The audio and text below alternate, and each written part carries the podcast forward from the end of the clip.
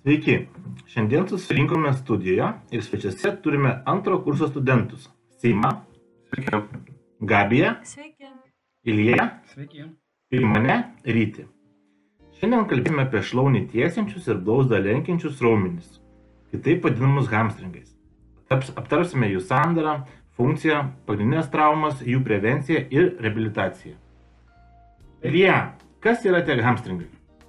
Taigi, į hamstringų sandarą įeina trys raumenys. Dvigalvis šlaunies raumo, pusgyslinis raumo, pusplėvinis raumo. Trumpai pristatysiu funkcijas. E, Dvigalvis šlaunies raumo lenkia blauzdą, kai kelis sulenktas suka blauzdą į išorę, ilgoji raumens galva prasideda nuo dubens, tada jį dar ir tiesia šlaunį. Kai kelis fiksuotas, palaiko dubinį virš šlaunies, neleidžia jam palinkti į priekį, o taip pat gražina palinkusį lėmenį atgal į statmeną padėtį. Pusgyslinis ir pusplėvinis raumenys atlieka vienodas funkcijas. Lenkia blauzdą, tiesia šlaunį ir padeda sukti sulinktą kelią į vidų. Toliau prisitvirtinimo vietos. E, Būtų dvigalvė šlaumė- šlaunies raumens pradžia ilgoji galva sėdinkaulė sėdimasis gumburas, trumpoji galva šlaunikaulio e, šiurkščiosios linijos šoninės lūpos vidurinis trečdalis. Abiejų galvų pabaiga šeivikaulio galva. E, Pusgyslinis raumo pradžia sėdimasis gumburas, pabaiga blauzdykaulio vidinis krumplis ir blauzdykaulio šiurkštuma.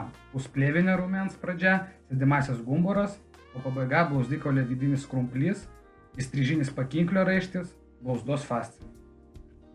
Inervacija būtų dvigalvė šlaumens raumens ilgąją galvą inervuoja L4 S3 blauzdinis nervas, o trumpąją L4 S3 bendrasis šėvinis nervas. Pusgyslinį ir pusplėvinį raumenį inervuoja L4 S3 blauzdinis nervas. Kaip įdomu, o ar tiesa, jo pagrindinės traumas yra susijusios su patempimais? Tiesa, bet neapsirikite, tai gan plati tema. Patempimai apima kelis laipsnius, kurie parodo traumos stiprumą. Mūsų vadinamas patempimas veikiau yra skaidulų plyšimas ir skirstosi į tris laipsnius. Pirmas laipsnis - skaidulų įplyšimas iki 20 procentų, antras laipsnis - dalinis įplyšimas iki 50 procentų ir trečias laipsnis - visiškas nuplėšimas. Pažinojote, kad ši trauma pasitaiko skirtingose raumens vietose - sausgislėje arba raumens pilvelėje.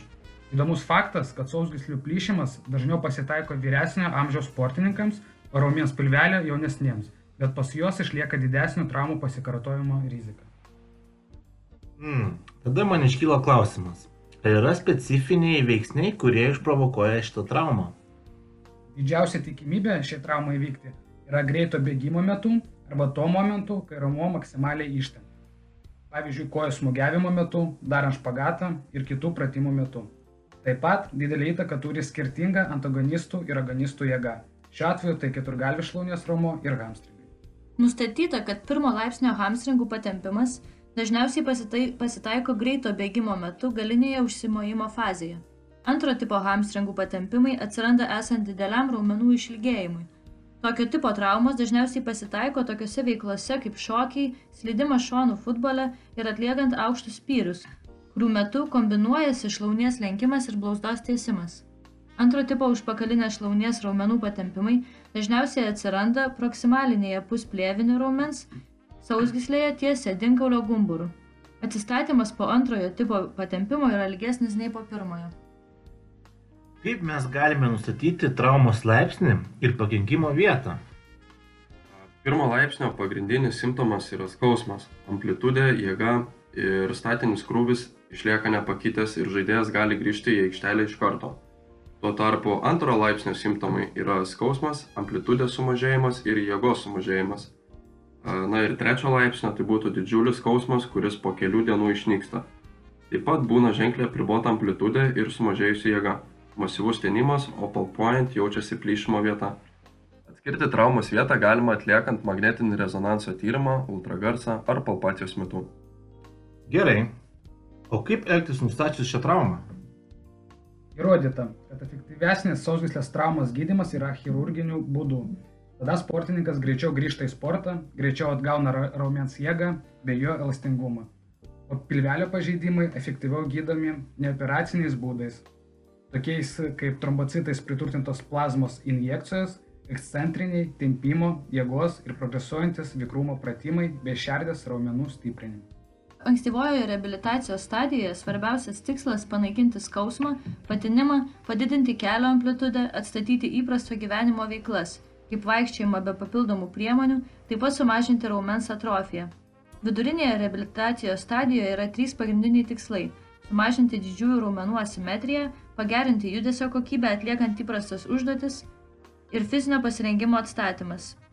Vėlyvosios stadijos reabilitacijoje daugiausia dėmesio skiriama šlaunies funkciniam atsigavimui, optimizuoti nervų ir raumenų veiklą bei judesius. Susitelkiama į specifinių sporto šakų testinumą, grįžimą į treniruotes. Visų pirma, programoje naudojamas subalansuotas požiūris didelio krūvio izoliuotam stiprinimui, funkcinės jėgos pratimams, motorikos modelio pertreniruojimui ir atstatymui. Ekscentrinės treniruotės suteikia galimybę sportininkams greičiau grįžti į sportą, palyginus su įprastomis treniruotėmis, neatsižvelgiant į tai, ar trauma buvo sprinto ar tempimo tipo. Ekscentrinė ir įprastinio reabilitacijos protokolų pakartotinio sužalojimo dažnis nesiskyrė. Tempimo ir judesio amplitudės pratimai veiksmingi atkuriant pasyvę judesio amplitudę ir mažinant skausmą po antro laipsnio traumos. Tačiau aktyvi judesio amplitudė ir jėga nepagerėja. Tempimas po šaldymo, kitaip vadinamas kriotempimas, padidina aktyvų kelio tiesimą ir apatinių galūnių funkcinės skalės balus palyginus su vien šaldymu. Ankstyvos intervencijos nauda. Po 24 valandų imobilizacijos Kilcoino ir kitų sukurta progresyvi reabilitacijos programa sugražino pirmo laipsnio sužalojimus patyrusius pacientus vidutiniškai per mažiau dviejų savaičių o pakartotinių sužalojimų dažnis per šešis mėnesius buvo vos 6 procentai. Taip pat sportininkai, kurie pradėjo kinesterapiją praėjus dviem dienom po antro laipsnio traumas, greičiau atsistato nei sportininkai, kurie pradėjo reabilitaciją po 9 dienų. Pakartotinių sužalojimų dažnis nesiskiria per vienerius metus. Hamstringų funkcija gali sumažėti ne tik dėl jų pačių pažeidimo, bet norėčiau papasakoti apie hamstringų funkcijos atstatymą po priekinio kryžminio raiščio traumų. Po šios traumos kelyje suprastėja lenkimo funkcija. Tai gali padidinti osteoartrito riziką, eisenos sutrikimus ar net traumos pasikartojimų riziką. Hamstringų funkcijos atstatymas ypatingai svarbi praktika sportininkams. Hamstringai yra atsakingi ne tik už blauzdos lenkimą, taip pat atlieka šlaunies tiesimą bei palaiko dubens ir kelio stabilumą. Viename metanalizės straipsnėje teigiama, jog Nordic hamstring pratimas šlaunį tiesiančių ir blauzdą lenkiančių raumenų traumų prevencijoje sumažina riziką perpus. Į tyrimą buvo įtraukta 15 mokslinių straipsnių, kur e, Nordic hamstring pratimas buvo įtrauktas treniruotės programai ir lyginas su kontrolinė grupe, kurioje nebuvo taikomas šis pratimas. Duomenys parodė, kad nepriklausomai nuo sporto šakos ar nuo lyties hamstringų traumos sumažėjo 51 procentų. Verta paminėti, kad mokslininkai tiksliai nežino, kaip šis pratimas prevencijuoja nuo traumų, bet spėja, kad jo yra ilginamosios Ilja minėtos anatominės struktūros ir tai veda prie morfologinių pakitimų, kurie ir apsaugo raumenis nuo pažydimo. 2019 metais Japonijoje buvo atliktas tyrimas, kuriame aiškinosi Nordic hamstring pratimo naudą šlaunį tiesinčių ir blauzdą lenkiančių raumenų grupės traumų prevencijai. Sisteminėje apžvalgoje iš viso dalyvavo 259 berniukai futbolo žaidėjai iš septynių vidurinių mokyklų. Jie atsitiktinė tvarka buvo suskirstyti į intervencinę ir kontrolinę grupės. Prieš tyrimą buvo atliktas funkcinis įvertinimas.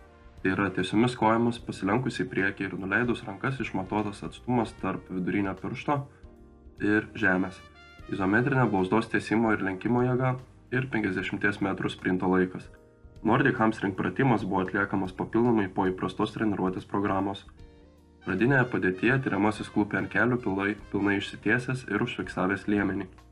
Rankomis pasiruošęs atsiremti žemę kritimo atveju. Tada paprašome partnerio prispausti čiurnas prie žemės ir sportininkas bando pasipriešinti kritimui į priekį naudojant šlaunų tiesiamuosius raumenis, kad maksimalizuotų krūvį ekscentrinio sustrukimo metu. Atletų buvo prašoma išsilaikyti pasilenkus į priekį ir nenukritus kiek įmanoma ilgiau krentant remtis rankomis krūtine paliesti žemę ir iš karto atsistumiant grįžti į pradinę padėtį, taip minimaliai apkraunant šlaunies tiesėjus koncentrinėje fazėje. Tyrimas buvo atliekamas 27 savaitės, palaipsniui didinant pakartojimų ir prieimų skaičių, bet išlaikant dviejų treniruočių per savaitę dažnį. Septyni žaidėjai patyrė šlaunį tiesinčių raumenų traumas tyrimo metu. Trys kontrolinėje ir keturi intervencinėje grupėje. Po du žaidėjus iš kiekvienos grupės pranešė apie sporto prarastą laiką, kuris kontrolinėje grupėje vidutiniškai sudarė 95, o intervencinėje grupėje 12 dienų. Taip, ko ne 10 kartų mažiau laiko išleisto po trauminiam atsistatymui. Tuo tarpu kontrolinėje grupėje šlaunies tiesimųjų raumenų traumos sudarė 1,04 procento, o tyriamųjų 0,88 procento. Taigi pagrindiniai autoriaus teiginiai yra tokie, kad intervencinėje grupėje ženkliai sumažėjo 50 m sprinto laikas, nors dėl to nepateikia jokių duomenų palyginimui. Taip pat prideda, kad sutrumpėjo šlaunies tiesėjai bei žemas jų ir keturgalvio raumens jėgos santykis yra didelis rizikos faktorius hamstringų traumoms.